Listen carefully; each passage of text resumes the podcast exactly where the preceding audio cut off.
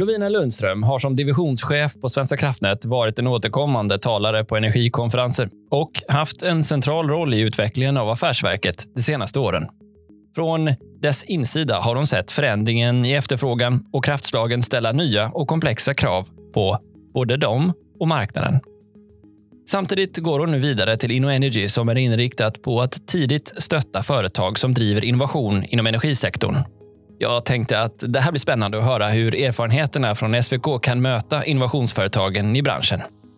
Jag heter Niklas Sigholm och välkomna tillbaka till Energistrategipodden. Hej Lovina Lundström, varmt välkommen till Energistrategipodden. Du avslutar nu en fem år lång period på Svenska kraftnät som eh, chef för system. Och Det är ju ingen division som, vilken division som helst på SVK, utan den innehåller, då, ska jag räkna upp dem, strategisk utveckling, systemutveckling, kraftsystem, elmarknad och beslutsstöd och it-beställningar. Om jag börjar så här, då, hur har det varit att vara chef för en sån central avdelning under de här alltså historiska åren som SVK ändå haft bakom sig och kanske också har framför sig för all del? Äh, det, det, det, har faktiskt varit helt fantastiskt. Eh, och som du säger, då, det är sällan man får vara med om ett där historiskt skifte där vi gick från förvaltning eh, och ett stabilt system som behövde lite eller kanske ingen handpåläggning till att kliva in i en energiomställning som tog fart och elektrifiering som heter duga. Eh, sen tyckte jag också att själva sammansättningen av divisionen den gjordes innan jag började. Den var klar precis innan, i oktober 2018.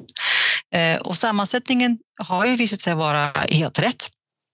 Framförallt eftersom alla de här avdelningarna har en direkt påverkan på varandra. Eh, och då får man också rätt kompetens samlad i en och samma division.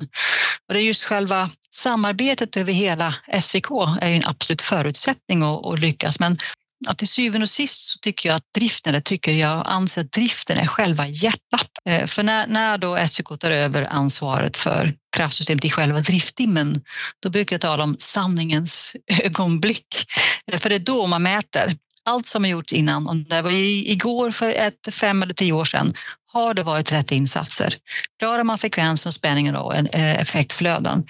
Och då krävs det också då att förutom divisionssystem att hela verkets insatser är rätt riktade med fokus på då de tre uppdrag man har. Eh, systemoperatör, systemnätsägare, stamnätsägare och e-beredskapsmyndighet. En annan dimension som, som också är väldigt spännande med divisionssystem tycker jag, det där tidsperspektivet. Man är från nuet till 30, 40, 50 och framåt i tiden.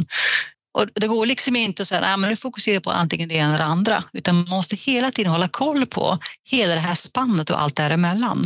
Och det är inte ofta man har den, den, det tidsperspektivet i en och samma division från det att du kommer in då 2018 i slutet, för då vet vi ju fortfarande inte så mycket om vad som komma skall. Vi är ju kvar i det som jag vet, Ann Vardas Nilsson en gång beskrev för mig som ett färdigutbyggt system och för all del var du generaldirektör för Svenska kraftnät som i princip sa samma sak. Har du några sådana exempel eller minnen från hur den verklighetsbilden krackelerar och går över till någonting annat? Ja, vad, vad den dåvarande GDn sa var ju helt korrekt där och då Eh, bör tilläggas. Sen har man ju fått ny information. Gör en summering av, av de här fem åren är inte helt lätt, eh, kommer säkert missa, men om vi ska ta några så här roliga saker så minns jag att eh, jag tror första veckan eh, på nya jobbet så träffade vi eh, deltagare i Koordinet och de ville ha Svenska kraftnäts samverkan i det tyckte det lät jätteintressant. Men jag upplevde då att det fanns ett, ett visst motstånd inom eh, SVK. Så då minns jag att jag frågade min kollega lite försynt, vem, vem tar beslut om vårt deltagande? Och då viskade han, det är du. ja, då var det klart. Eh, det är något vi aldrig ångrat faktiskt. Eh, och så 2018 då hade vi också precis startat NBM, det här Nordic Balancing Model, eh, med målet att göra balanseringen baserat på det områdets obalanser, 15 minuters avräkning, nordiska stödtjänster och, den, och framför allt då att skapa IT-stöd i kontrollrummen.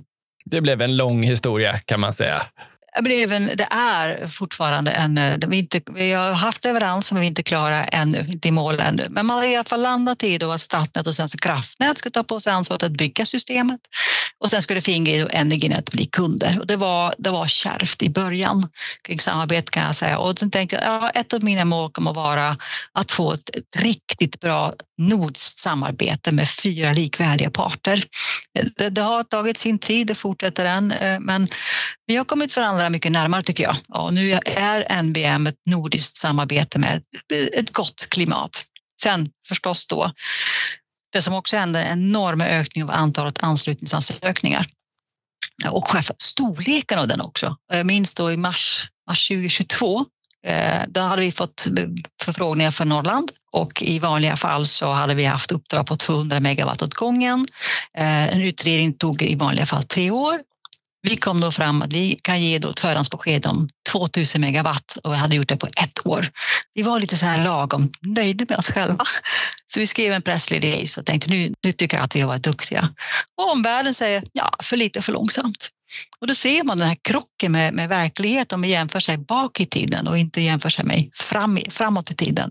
Eh, kapacitetsbristfrågan med nedläggning av produktion i södra Sverige var ju också en del av de här fem åren. Enorma prisskillnader mellan elområden och ett gigantiskt inflöde av flaskhalsinkomster. Tillväxten av antalet medarbetare. Jag vet att eh, divisionssystem dubblade antalet anställda inom, inom två och ett halvt år. Så det finns en hel del utmaningar kan man säga som har varit väldigt spännande. De där flaskhalsintäkterna, eh, hamnade de hos er eller? Nej, eh, på, på Riksgälden. Och det är ju väldigt väl reglerat hur de får användas i princip.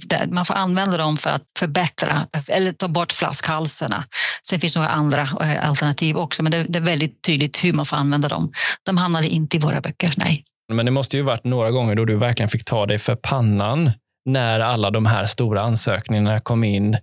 För hade din annons till det här jobbet skrivits med den här kunskapen, då hade det stått ta SVK från att vara relativt okänd myndighet till att göra den allmänt, eh, i allmänheten insatt i SVKs verksamheter. Ni kommer ta verksamheten från att vara sällan i media till att vara nästan dagligdags i media och, och ta verksamheten från en, en marknad som vi har idag till en helt helt ny typ av flexibilitet. Den vägen måste ju ha varit överrumplande massvis med gånger. Det, jo då, jag har fått eh, annars några gånger, men det som, själva upp, det som fångade mig i annonsen när jag såg den, eh, utöver eh, själva upplåtelsen som Kraftnät har, det är att, att, öka digitaliseringen och att göra en kulturförändring. Eh, och den, den gjorde att jag sökte och eh, tror jag också fick tjänsten då. Eh, och den, den har varit en, en utmaning i sig. Men eh, Svenska kraftnät är ju en expertmyndighet med en enorm kompetens. Den är överväldigande stor skulle jag säga. Och även då när jag började så fanns ju, tyckte jag, viljan till förändring, men den behövde lockas fram. Den var inte självklar på något sätt. Men också ett, ett, ett litet eh, introvert förhållningssätt. Det är att själv ta fram alla svar innan man går ut och pratar. Alltså mer reaktivt än proaktivt. Det har egentligen hela branschen lidit att begreppet kund kom ganska sent in i, i nomenklaturen kan man väl säga. Så det har varit en, en, en, en stor resa, men den vet jag att jag redan då i november 2018 sa nu vi, vi behöver jobba med ett arbetssätt där vi kan klara stora små utmaningar. Jag visste då inte hur stora utmaningar det skulle bli. Arbeta mer proaktivt, att man har koll på omvärlden och, och reagerar på den mer agilt och också med snabba förändringar. Samtidigt då som man också framför allt måste kunna hantera kraftsystemet. Eh, och det, det har varit en fantastiskt spännande resa tycker jag. Och jag, jag skulle vilja säga att man, eh, man har mycket mer en, en lärande organisation där man framför allt vågar göra fel eh, och ser det som en lärdom istället. Att man uppmuntrar initiativ. Jag ser en organisation som gör enorma framsteg där det finns nyfikenhet och intresse från början.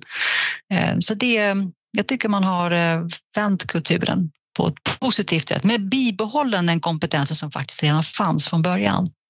Ja, jag tänker att eh, som en ledare vill man gärna blicka tillbaka och kunna berätta det på det sättet som du gör nu. Samtidigt så, för alla oss som har jobbat med föreningsledning vet vi ju hur svårt det är. Hur många eh, mottryck du kan få, hur upprörda människor kan bli längs vägen. Det kan inte ha varit en, en, en lätt sak, antar jag, på en myndighet. Man van dels ha tid på sig, men dels att allting måste bli rätt och det ska vara ganska klart när någonting ska kommuniceras. Vad är, har varit dina liksom, viktigaste nycklar för att jobba med de där frågorna som jag bara förmodar var ganska svåra understundom? Det låter lite klyschigt med att bygga tillit. Tillit mellan människor, tillit till människor. Eh, var respektfull och verkligen förstå vilken kompetens har du, vilken kompetens har jag, hur kan vi hjälpas åt? Att på så sätt ganska transparent. Det här kan inte jag, jag behöver din hjälp. Um, inte döda idéer och tankar. Så med, med det här tillitsfulla klimatet som gör att faktiskt människor växer mycket snabbare än man kan, man kan tro. Sen behöver man också lyssna när någon säger det här är, det här är enorma utmaningar för att att man tar sig tid. Men framför allt tålamod, precis som du säger. Man kan ibland eh, känna att eh, vart är vi på väg? Sen är det ju också viktigt att inse att det är aldrig, aldrig en person som gör en skillnad, utan alla tillsammans som gör skillnad. Att man också har den insikten och förståelsen.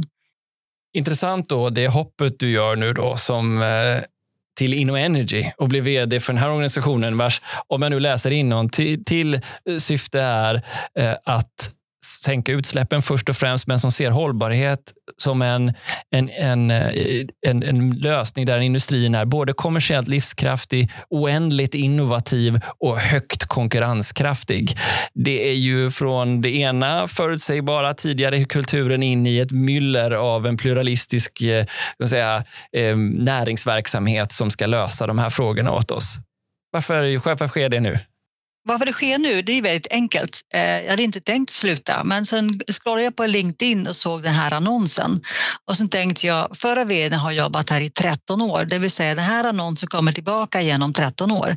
Och så länge vill jag inte vänta. Eh, och då, timingen är ju sällan rätt, men, men utmaningen då, eh, eller själva uppdraget på Energy tilltalar mig så extremt mycket det här, eh, som ni ser, pluralistisk eh, näringsliv, snabbfotat, agilt, hitta lösningar, umgås med briljanta människor som ska ha briljanta idéer. Och hur kan vi då hjälpa dem med både pengar och kompetensen att, att lyckas? Eh, det, det, var, så det var det, det kändes bara, nej det här, det här känns helt rätt för mig att å ena sidan då stimulera den här konkurrenskraften kan ju faktiskt också vara i konflikt med att skapa förutsägbarhet och trygghet och säkerhet. Hur reflekterar du kring, kring de här två frågorna? Måste våga hoppa ibland också. Man måste våga testa. Om inte vi testar, väldigt mycket av de innovationer som har kommit genom alla år är för att man har vågat. Vågar man inte så händer ju ingenting och, och händer ingenting så backar man ju tillbaka. Eh, så det är ju, kapacitetsbristen är ju lokal. Eh, och fokus har varit ganska mycket att lösa det centralt och inte minst genom att bygga ut nätet. Eh, och jag tror man behöver båda förklara energiomställningen. Eh, tiden är knapp och den blir inte bättre allt eftersom. Så vi måste våga ta ordentliga steg framåt. Man kommer att misslyckas, men man kommer framför allt att lyckas. Ja, det är spännande med människor som tar rejäla hopp. Så det, det, där applåderar jag dig för. Eh, jag tänker att, eh, att vara i den här eh, ska säga, dubbelheten eller kanske ibland motsägelsigheten är, kan ju vara en intressant del att lägga själva intervjun på. För att ni har ju behövt bedriva en himla massa utveckling som du redan har nämnt då på er division som ju också måste ta hänsyn till det här. Vad kan vi lösa med hjälp av decentraliserade lokala lösningar kontra vad är någonstans vi behöver kliva in och ta en mer övergripande systemperspektiv på läs exempelvis kapacitetsmarknader och så. Hur har den diskussionen varit hos dig under de här åren och var är någonstans nu? För vi kan ju, om jag får hårdra det lite, kanske se två skolor här. Den ena som driver mot förnyelsebart, decentraliserat och lokalt och den andra som driver mot storskaligt, centraliserat och mer förutsägbart. Och båda de två skolorna är liksom, eh, ja, de, de tajtas, eller fightas lite med varandra, eller vad man ska säga. Och det är lite dumt att de fightas med varandra, för de är ju beroende av varandra. Eh, jag tänker på Svenska kraftnät som, som styr kraftsystemet och ska också då beskriva vilka utmaningar ser vi, vilka behov har kraftsystemet. Där gör man ett bra jobb att göra det. Sen behöver ju någon annan, i det här fallet till exempel InnoEnergy, säga okej, okay, det här är utmaningar. Vi har lösningarna. Så man måste ha någon, något organ som ser det här förutsägbara eh, och, och centrala medan för att få det att, att hända behöver man också det decentraliserade, det med, det med förnyelsebara lösningar. Så för mig är det lite som yin och yang, att de är väldigt beroende av varandra, fast väldigt olika. Men behöver vi eh, båda då? Om man får ta det ena perspektivet så riskerar ju då en, en kapacitetsmarknad centralt och faktiskt ta död på konkurrensen genom att den skapar förutsägbara prissignaler för de som redan är på marknaden och som behöver jättelång framförhållning kanske och det där, det där som är själva utmaningen tror jag som jag tror eh, Bodil Farusi kommer att ta tag i nu med e-marknadsutredningen för att det har ju funkat bra, den nordiska modellen men det är nya utmaningar. Sen behöver man också se hur kan man bibehålla den, den modellen som finns utan att verkligen få lite planekonomiska vibbar. Att man förbestämmer allting och sen dödar man en innovativ marknad men också en väg framåt i elektrifieringen. Så där, där vore det spännande att se vad som kommer ur det uppdraget och den utredningen, vad uppdraget består av i detaljerna. Jag vågar påstå enorm elektrifiering som sker i, i Norden just nu den kan sätta Sverige och Norden på kartan som role model för hela världen. Så att döda den vore ju förödande. Och det har vi oss ju verkligen inte. Man måste kunna få hit investerare och visa att man kan göra elektrifiering i den utsträckningen som man har på planen nu. Och sen kommer det att öka, det är jag helt övertygad om. Och då behöver man ha en marknad också som stödjer detta. Vilken det är, det vet jag faktiskt inte. Eh, men det viktigaste är att man inte eh, stänger ute allt för mycket och, och hoppas att det blir som det var förr i tiden, för det kommer inte tillbaka. Vad betyder det då, kanske en okunnig fråga, då, att regeringen lägger det här på en särskild utredare? För det här frågorna som Bo ska utreda är ju både den om, om flexibilitet, om långa kontrakter, PPA, CFDR och den om implementering i det energipaketet och flexibilitet. Det är ju saker som jag kan tänka mig ligger i hjärtat av den divisionen som du lämnar nu. Ja, det stämmer. Eh, jag kan inte svara på den frågan. Utan man, man gör väl de val man, ibland vill man ha mer en, en separat utredning och ibland vill lägga det på sina, på sina myndigheter. Varför man gör ett val, antingen det eller det andra, det vet inte jag. Men det måste ju säga någonting om förtroendet man har för myndigheten om man inte väljer att lägga det där det normalt sett brukar hanteras, eller? Ja, men jag har ju, om man tittar på när jag började 2018, då ehm, då fanns utöver regeringsbrev som var ganska kort, ungefär ett till två regeringsuppdrag per år. Tittar man nu de senaste åren så har inklusive regleringsbrevet en bit över 50 stycken, varav 90 procent hamnar på divisionssystem. Å ena sidan, om man är positivt lagd, så är det ju bra att en uppdragsgivare är intresserad. Men å andra sidan, även om intentionen är god, så kan det också ses som att man omyndigförklarar sin egen expertmyndighet. Sen en, en risk jag ser också att regeringsuppdrag de går alltid före när de, kom, när de landar in och i värsta fall skulle det kunna leda till en passivitet kring egna initiativ från just en expertmyndighet eftersom man hela tiden behöver pausa till före för regeringsuppdragen. Och då tror jag att det finns en risk att framfarten blir lidande. Ja, just det. För när jag pratade med Elon Axberg om, om just kapacitetsmarknaderna så var ju en väldigt viktig faktor för dem just tidskritiska. Hur långt man hade kommit, om det skulle, skulle vara möjligt att ha dem implementerbara 2027. Nu kommer ju BOs utredning inte att rapportera förrän 25, ja, april, tror jag, om jag minns rätt. Vilket innebär att då blir det ju ytterligare ett års fördröjning innan man igen då får sätta sig och värdera. Och allt det här kommer ju i så fall leda till att vi ändå inte kanske har någon kapacitetsmarknad förrän 2030. Och det är ganska lång tid kvar. Rätt mycket hinner ju hända på marknaden onekligen. Eh, följer du mitt resonemang och stämmer det? Eh, absolut. För tänker man då sex år tillbaka nu, det är man på 2018. Eh, och då, tänk allt som har hänt då med 2018 2024 och sex år framåt 2030 det, det, det är svårt att överblicka vad som kommer att hända. Jag tänker framförallt också om man, ska, om man dessutom ska skapa långsiktiga kontrakt. är ju en, en sån fråga. För det har dykt upp politiskt är ju också att, att staten ska ta en, en viss roll. Och, men alla marknader, om man säger så, är ju, på energimarknaden är ju politiska. Vi har ju valt dem på något sätt med, liksom, politik, politikens goda minne. Eh, mycket av kritiken om man vänder på kuttingen har varit den här energy only-marknaden eh, och behovet och framväxten av stödmarknader på något sätt som ju också du har varit med och lett in i det här. Vill du berätta lite grann om vad du tycker att SVK står någonstans i den resan nu och vart är vi på väg? Ja, man har ju från, från 2019 har man bland annat lanserat FFR, eh, FCD NED, eh, MFR CM. Eh, man har också haft olika piloter, bland annat för variabel produktion och konsumtion. Det har varit väldigt uppskattat och väldigt lärorikt. Tidigare har ju stödtjänst utgått från eh, vattenkraftens förmågor, men det finns så många andra, lös, fler andra lösningar idag som också kan bidra. Men det behöver man liksom anpassa de tekniska kraven och det har man, eh, man det har Svenska kraftnät gjort, vilket jag tycker är väldigt bra. Och sen har vi hela roadmappen från, från NBM framför oss med MFR EOM som, som är planerat till 3 december och, och gemensam nordisk MFR kapacitetsmarknad. Så det är väldigt mycket som ligger i pipen också. Så det tycker jag är en, en det går åt rätt håll. Sen tar det ibland lite längre tid. Eh, det har väldigt mycket med att göra att det är utvecklingsprojekt med stora inslag av IT. Och flera gånger stötte vi på att det dyker upp problem vi inte hade en aning om när vi satt vid ritbordet. Det händer inte med andningsprojekt, de är repetitiva. Man bygger en ledning från A till B, den är någorlunda eh, återanvändbar. Det är inte så inom IT-utvecklingen, så där har man också stött på problem, men ändå rört sig framåt. Fortsättningsvis på den frågan jag ställde förut, så är ju en av den kritik som kommer kring från planerbara, mer planerbara kraftslag att man inte får betalt för de nyttorna. Som du säger, en, del, en hel del var upplagt utifrån vattenkraften, men det gäller nu också kraftvärmen, det gäller kärnkraften. Vad, vad, finns det för fog för den kritiken som du ser? Är det många fler marknader som borde komma till stånd? Är det det vi väntar på? Eller stora volymskillnader? Vad ser du? Det, det, tycker jag är korrekt. De, de förmågor man har tillfört systemet har varit eh, uppskattat och nödvändiga för att klara kraftsystemet. Eh, och då behöver man också få en ersättning för det framöver, definitivt. Så där behöver man skapa flera nya marknader utöver då frekvensmarknaden. Som rotationsenergi till exempel, tröghet. Precis. Då blir det också mer en rättvisa för FFR kan vi på något sätt se lite grann som rotations någorlunda. Eh, och ersätter man det ena kraftslaget med inte det andra så finns en orättvisa i systemet som inte är relevant. Den, den behöver byggas bort i så fall och skapa en egen marknad för det.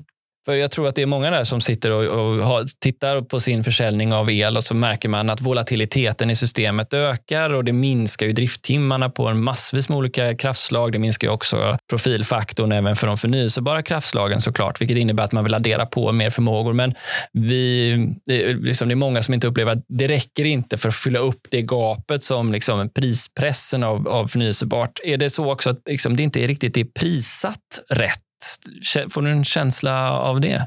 Väldigt relevant fråga. Om man tittar på 2023 så kan vi se att vi har haft, eh, från Svenska kraftnäts perspektiv haft färre eh, behov av, av, av eh, på reglerkraftsmarknaden, men när det väl har, har funnits ett behov så har det varit ganska lågt utbud.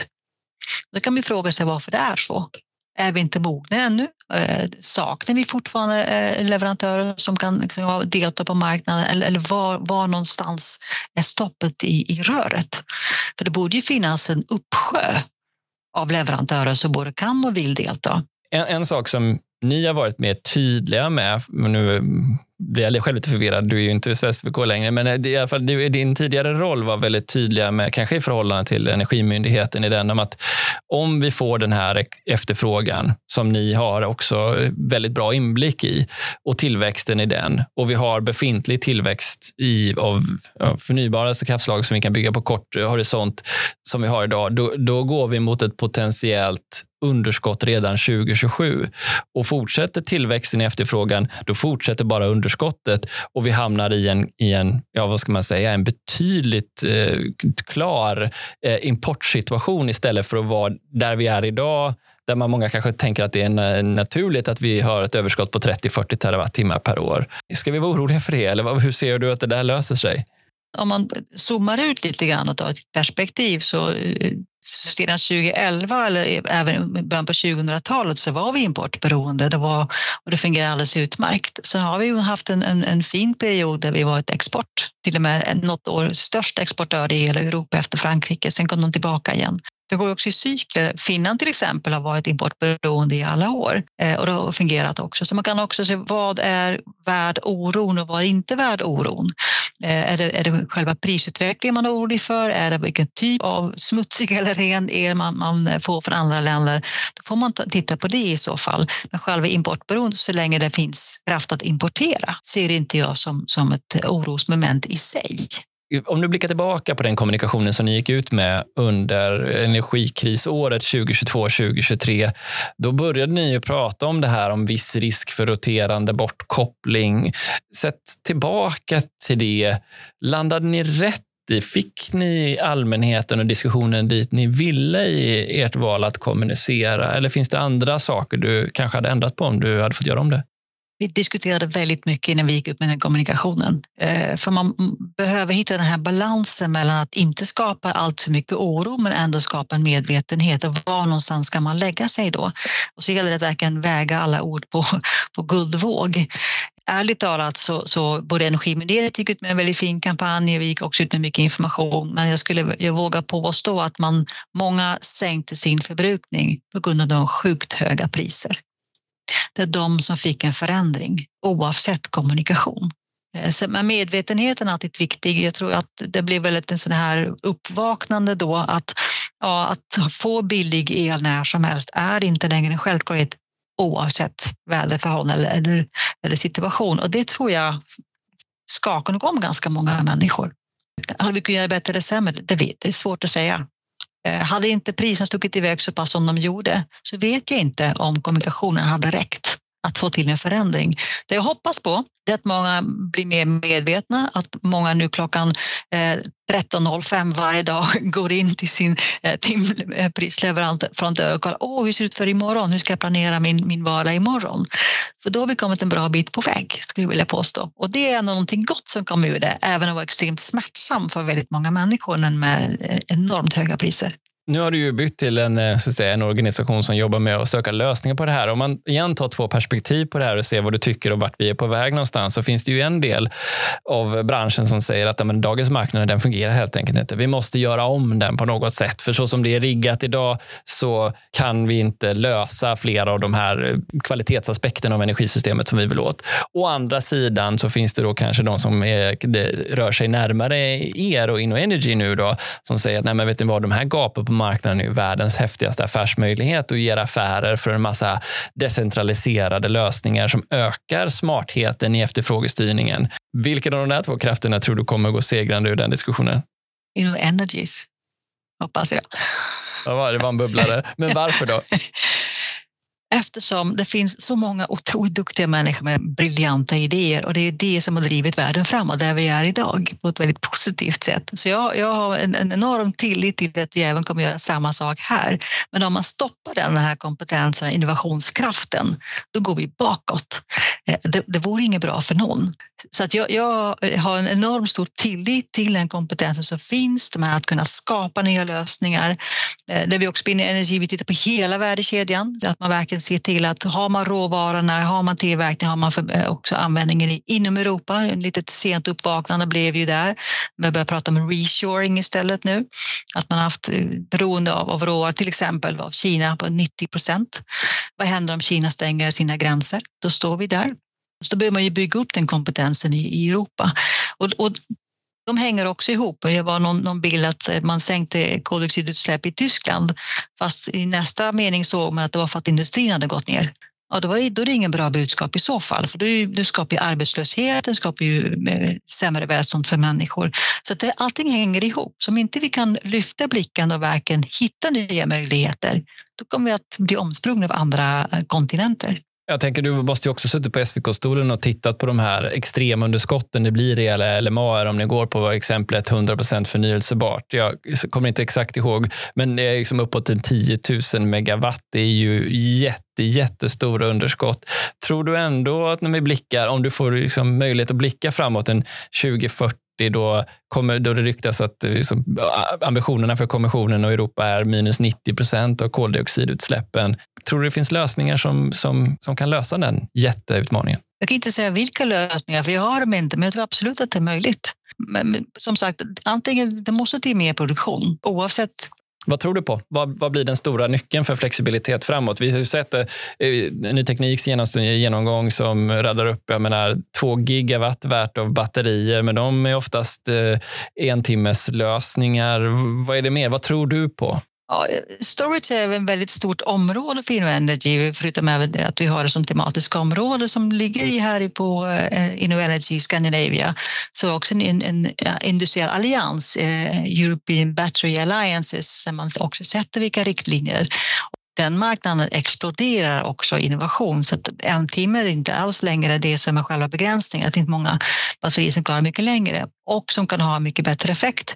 Ibland kan det vara lite dyrare än, än att bygga ut nätet men det går betydligt fortare. Så det blir man att ta i aspekten då. Eh, så batterier definitivt, eh, vätgas absolut, men även solkraft.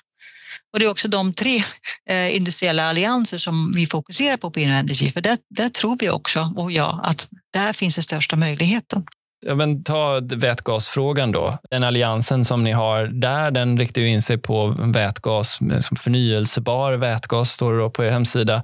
Vi har ju liksom bara börjat snudda i den där. Vad är vätgasens utveckling? Det, givet att den fortfarande är dyr och vi har ett, ett, eh, jättelikt program eh, i USA som subventionerar vätgasen. När tror du att det är takt och timing för vätgasens explosion i Sverige och Europa? Vad tror du behövs och när sker det? Jag borde haft en kristallkula som jag inte har. Eh, om man tänker hur lång tid det har tagit för batterierna så hoppas det gå mycket fortare för vätgasen. Men en, säg en tre till fem år.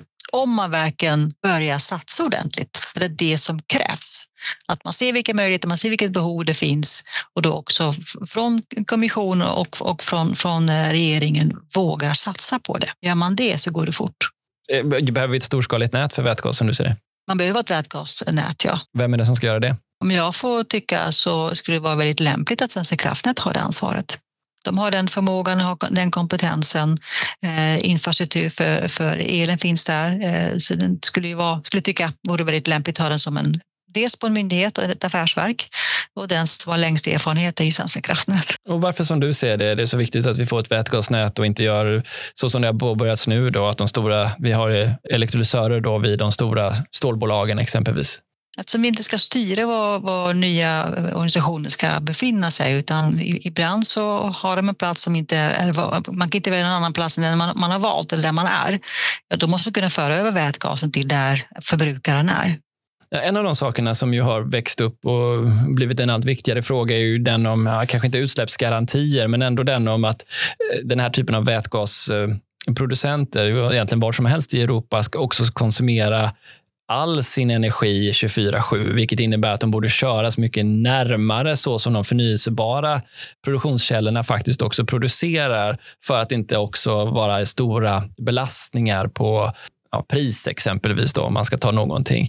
Hur, hur ser du på det? Är det en utveckling du tror på framåt? Eh, det ska jag erkänna, där behöver jag nog lära mig väldigt mycket. Jag känner mig ganska eh, ny i området och är det, är det två områden jag kommer att satsa på att lära mig inom Energy. Det är dels inom storage som ligger här, men också vätgas och verkligen vad är det för något och vilka möjligheter har vi och vilka bolag har vi i vårt portfölj som har de här kloka idéerna. Det är ju lite fräckt när ni gjorde den simuleringen förra gången ni gjorde en långtidsprognos hur hela priset i SE3 och SE4 bara harmoniserades kring lagren för om de var tillräckligt stora kring vätgas. Det skulle bli något annorlunda än det vi tror idag med all volatilitet vi ser, eller hur? Det tror jag också, definitivt. För jag tänker att det är ju om nu ska guida unga innovativa bolag på den här marknaden så känns det ju eh, kanske väldigt skönt å ena sidan att ha en person med din erfarenhet att hålla i handen, men också så väldigt mycket som är uppe i luften. Vi har en utredning som, om hela marknadsdesignen, vilket ju gör det onekligen ganska svårt att se hur intjäningen kommer att påverkas av en sådan sak. Vi har ju dessutom jättestora viktiga vägval att göra kring tekniker som kan få jättestor påverkan på priset. Hur tror du det påverkar innovationskraften? Lägger det någon våt film vilt över eller tror du den är så mångfacetterad att det går att hantera i alla fall? Det kan finnas en risk för det eftersom varje, varje innovation behöver investerare. Och investerare brukar vara försiktiga människor eh, som gärna vill veta och ha en förutsägbarhet framöver också. Eh, så hamnar vi i det läget så, så, eh, så kan det bli problematiskt för då kan man också döda de idéerna. För pengarna behövs och kommer inte de in, det kan man inte fortsätta heller. Så det, det finns en, definitivt en överhängande risk för det. Det tredje spåret då, det här med storskaliga solkraftsanläggningar i Sverige. Det är också någonting jag haft med i podden och som ju för all del är fortfarande, om man tittar på LCOE-talen, är bland det absolut billigaste vi kan bygga i stora delar av världen. Eh, I vilken mån tror du den utvecklingen kommer kunna ta ännu mer fart i Sverige? Eller ser du någonting särskilt där? Vad tror du deras roll blir? Ja, i, I den LMA som kom ut nu för tre dagar sedan så har vi också ökat eh, solkraften och, och dess bidrag på ett bra sätt. Eller Svenska alltså kraftnät har gjort det. Eh, jag tror det är viktigt att man med, i, i samband med stora solkraftsparker tittar på hur kan man göra kombinationer med lantbruksmark till exempel. Hur kan man lite smartare lösningar bara eh, smälla upp ett gäng solcellsceller som, som tar mark i anspråk? Kan man använda taken på ett annat sätt? Kan man kombinera det på något klokt sätt?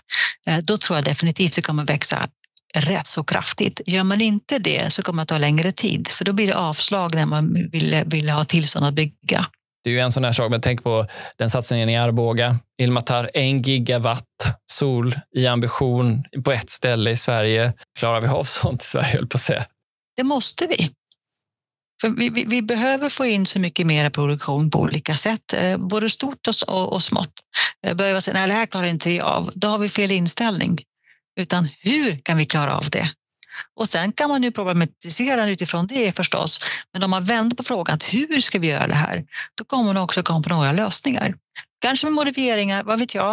Eh, men eh, rätt inställning är, är halva jobbet rätt inställning. Ja. Och det måste man ju också ha när vi pratar om digitalisering. Du nämnde att det var med i den eh, rekryteringsannonsen som du fastnade för på SVK en gång i tiden och med 15 minuters avräkning, men också med den här ökade volatiliteten som kommer in i el och kraftsystemet så krävs ju oerhört mycket mer styrning. Och en spaning jag har haft tidigare är att elnätsbolagen går från att vara just elnätsbolag till att nästan bli it-bolag i de kraven som kommer i de nya nätkoderna och vad som är på gång i form av marknad.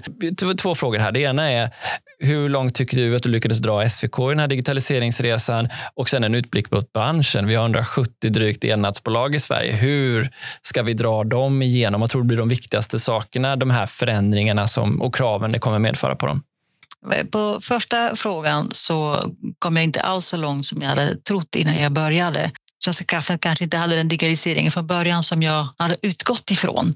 Så att det var några steg eh, bakom. Sen är det ju väldigt mycket som är på gång så att jag tror att det kommer bli en sorts ketchup-effekt framöver. Eh, men, men där, där eh, var jag inte alls nöjd med att vi inte kom längre än, än vad vi gjorde. Sen finns det ett antal perspektiv också ur ett säkerhetsperspektiv, att man inte kan dela data och vilka risker finns det? Det finns ju ett totalförsvarsperspektiv nu som har kommit bara några år sedan som är väldigt relevant. Svenska kraftnät är ju ett ett, ett mål kan man ju utgå ifrån när, när främmande makt vill, vill eh, göra illa. Så det är ju väldigt korrekt att man har ett, ett säkerhetstänk eh, förstås, men det tar, då tar det lite längre tid. Vad det gäller alla, alla DSO vi har i Sverige så finns det ju det några få stora, de allra flesta, jag tror det är väl eh, 150 stycken som har under 20 000 kunder. Då är det ju väldigt svårt också att kunna digitalisera. Jag skulle väl tro och hoppas att man går samman några stycken att man, för de har ändå gemensamma eller likvärdiga utmaningar. Så hur kan man göra investeringar gemensamt och sen nyttja den eh, på, på varsitt håll? Det, då tror jag man kan ha en, en, en, fördel. Sen behöver de också följa med den lagstiftning så kommer de nätkoden som kommer så att vare sig man har möjlighet eller inte så är det bara att gilla läget och börja digitalisera. För man kan inte klara systemet utan IT-stöd. Eh, så du har ju helt rätt, även på Svenska kraftnät, så utan IT så finns det inte.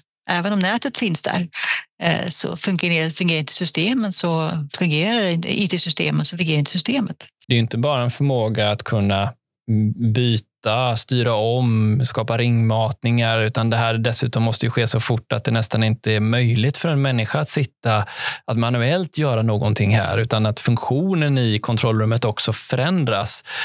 Att, att se bilder på vad prognosen säger om de kommande 24 timmarna. Här finns ju mycket mycket som idag helt enkelt inte finns hos många enhetsbolag. Nej, men för att beräkna eh, 60 minuters avräkning tar 20 minuter att göra. Eh, tar det 15 minuter så går det ju back 5 minuter per, per, per, kvart. Så redan där så ser man att det, det går inte. Eh, hur kompetenta människor än är så räcker inte tiden till och då måste man få till en automatisering i kontrollrummen. Och hur ska elnätsföretagen tänka här nu kring ja, men det pluralistiska näringslivet vi pratar om som finns runt omkring? För jag menar, det här är ju ändå, mycket av den här kompetensen är ju svårt konkurrensutsatt redan idag. Människor som kan hantera den här typen av datamängder snabbt, eh, som kan använda rätt integrationsverktyg för att skapa de verktygen som senare översätts till en analys i ett kontrollrum eller vad det nu är någonstans. Hur bör man tänka? Du sa samarbeten, men hur, hur får man näringslivet till sig? Det som är rent generellt är en utmaning både för näringslivet men även för, för energibolagen det är eh, kompetensbristen, det vill säga medarbetare. Det, det finns för få människor som har den kompetensen. Så det ska vi satsa på att omskola personer, vilket kommer att ta tid. Eh, men för att locka till sig industrin, då det, det enklaste är att öppna dörren. Eh, och så kan vi lyssna och utbyta tankar och idéer. Det är oftast den enklaste vägen framåt, så även här. En kritik som har dykt upp här längs årens lopp i diskussioner bland annat kring SVK är ju den kring upphandlingar och, och, vad det ger i form av att man vill ha mer eller mindre färdiga lösningar, lite raljant uttryckt kanske, som man köper på en spes. I det här läget så finns det ju en massvis med utvecklingsarbete som behöver ske parallellt med att man implementerar nya saker. Hur, hur har ni tänkt kring den utmaningen? Eller hur tänkte ni kring den utmaningen på SVK? Hur tycker du, vad är viktiga principer att ta med sig framåt som du ser det? Ja, det finns ju möjligheter även hålla sig inom lagens ramar att kunna ha eh, forskning och utvecklingsutbyte med, med de som är specialiserade inom sitt område. Så den möjligheten finns ju faktiskt redan idag och har funnits några år. Så den behöver även Svenska kraftnät jobba mer med framöver, vilket man också kommer att göra. För gör man inte det så man, man har inte alla svaren själva. Eh, så antingen så, så eh, samarbetar man mer med andra TSOer eller så öppnar man också upp då att kunna eh, ha gemensamma testbäddar eller andra forskning och utvecklingscenter tillsammans med andra specialiserade industrier. Då tänker jag tillbaka på en fråga kring SVK och SVKs mandat här. För att SVK ska ju då upprätthålla en systemsäkerhet, en tillförlitlighet, en massa aspekter i nätet ur kvalitetsmått och något som regeringen ju också hela tiden uttrycker att vi ska ha ett, ett säkert elnät.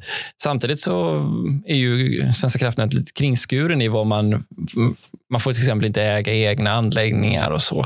Är det, är det rätt utformat mandatet för transmissionsnätet för den framtid som vi står inför, apropå den här diskussionen som vi har nu?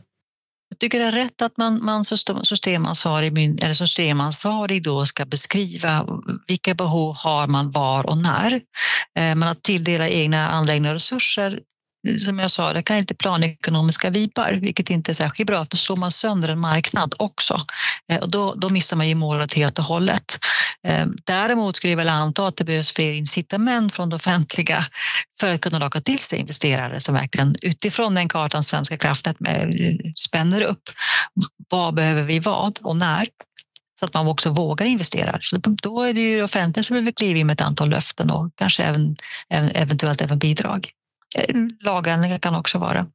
Men som du ser det så, så finns det egentligen inget problem med hur mandatet ser ut nu, utan det handlar om vilka incitament som finns på plats. Det är en marknadsfråga egentligen, inte en, en mandat och styrningsfråga som du ser det. Nej, jag var tänkt på, på själva mandatet, att man har både e-beredskapsmyndigheten, systemoperatörsrollen och eh, stamnätsägaren. Det finns väldigt många synergier däremellan, så, så den, gäller det mandatet i sin helhet tycker jag är väldigt klokt. Har varit klokt och jag tror att det är klokt även framåt. Du nämnde ju här tidigare att en av de sakerna som har fungerat, som du lyfter upp som en, en rolig och bra sak i utvecklingen under dina fem år, utvecklingen bland, annat bland de nordiska mark, eh, eh, systemoperatörerna. Ja, det är i och för sig alla, men de stamnätsoperatörerna. Då. Eh, men nu kommer det krävas mycket mer samarbete både med regionnäten och även med lokalnäten. Den typen av samarbeten och kanske också även med Energimarknadsinspektionen ännu djupare. Hur skulle du säga är samarbetsformerna idag? Vad behövs framåt? Är det, är det bra som det är eller behövs en utveckling? Det går åt rätt håll skulle jag vilja säga. Vi har sedan tidigare på SVK skapat ett TSO-DSO-forum eh, för att kunna eh, se vilka områden behöver vi samverka kring. Eh, också prognossamverkan eh, som man har.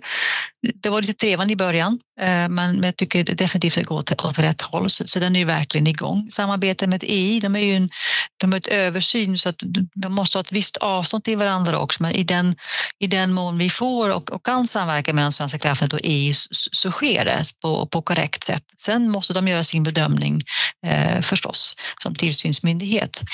Eh, men där finns också ett, ett, jag skulle säga ett gott samarbete. Det finns inget så här, nej men det här det räcker inte, för vi kommer ju behöva veta, apropå komplexiteten, hur den ökar, så måste ju kommunikationen mellan de olika nätnivåerna bli så väldigt mycket bättre. Ni måste ju, tänker jag, ha en högre kravställan, kanske både från dem på er, men också från er på dem, för att det här ska gå ihop, så att vi inte, ja men det inte dröjer för att vi, vi saknar eh, utkrävt ansvar från de olika parterna. Men har vi den tilliten idag, menar du? I, stora drag skulle jag säga. Sen har vi också på regional nivå eh, väldigt mycket i, samverkan med länsstyrelsen som står i taktpinnen. Hur kan man samverka? Att man inte bara skickar till varandra och avvaktar när någon svarar utan man samlar människor i ett rum som kan ta beslut och så kan man korta ner sex veckor till en dag till exempel. Och det, det är också det, det dit vi är på väg allt mer. Och där behöver inte bara regionnätsägare men även lokalnätsägare behöver delta men även framförallt de människor som bor där. För det är fortfarande där största hindret ligger. Man vill ha el men inte nära sig själv, vare sig ledning eller produktionsanläggning eller stationer. Och den behöver vi ändra på. Och oftast när man pratar med människor så är det ju kloka personer som ändå förstår argument. Men pratar man inte med varandra så blir det blir ju ett, ett, större gap. Så det arbetet tycker jag också går åt, åt rätt håll. Sen kan det alltid bli bättre förstås. Men vi rör oss i rätt riktning i alla fall.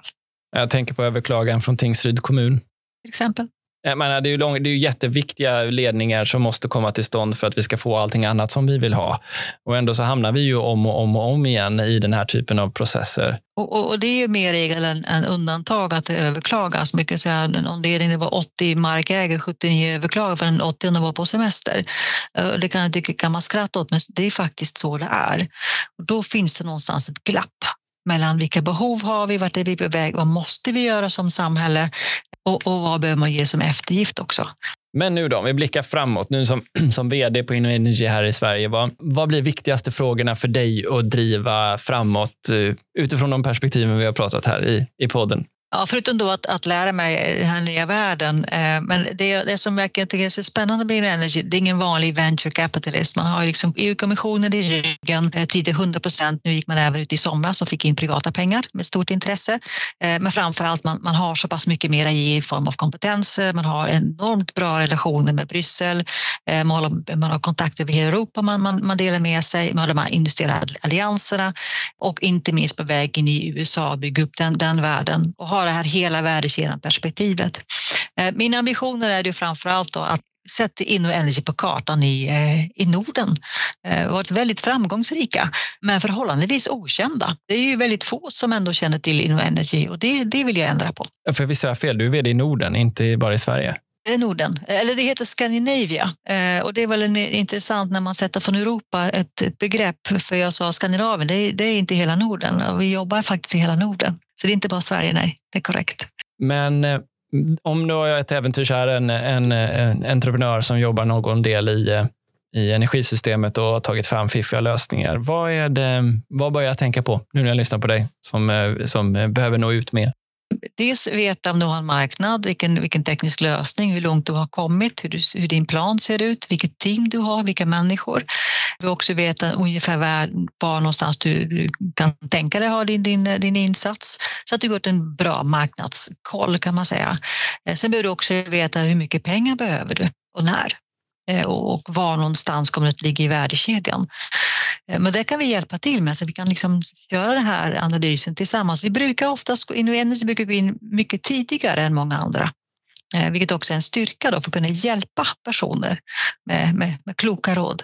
Hur stort är intresset? Hur mycket företag finns det ute? Hur många har du att träffa? Jättemånga. Eh, I hela, hela portföljen för hela EU Energy 250 plus eh, bolag i portföljen nu med ett väldigt stort eh, inflow av nya deals som, som är på väg in. Så att intresset är stort, vilket är väldigt spännande och ibland ganska bre, brett sådär. Så jag är fortfarande lite vilse i bankkakan och så, så jag kan lära mig alla, alla bolagen i portföljen vad, vad vår styrka är. Eh, men det, det, finns ett väldigt... Eh, Sverige är ju kända och även Norden är kända för att vara innovativa och det kan även vi inom Energy, inom Energy se. Kommer du också vara en del av ditt jobb att sitta med och lyssna på de här äh, nya unga företagen som pitchar sina idéer? Hur, hur, kommer det vara för dig tror du, det här med din erfarenhet från SVK? Kanske den här känslan av att oh, det där är... Eh, men jag älskar innovation så att jag kommer gå på mål. Ja, spännande då. Det får vi hoppas att se om ni lyckas vaska fram en massa lösningar på dem. För det saknas inte utmaningar i energisystemet. Helt, helt rätt, men eh, det är bra med utmaningar för då kan man hitta lösningar också. När du blickar tillbaka då, om fem år, säg att du vill vara vd på, eh, här i fem år. Var står vi någonstans då?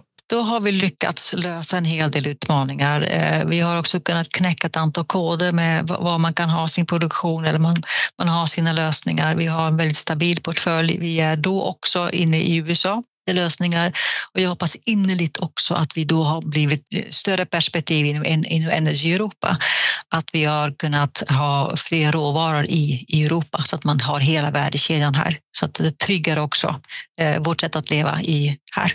Lovina, stort tack för att du tog dig tid att vara med i Energistrategipodden. Tack så mycket.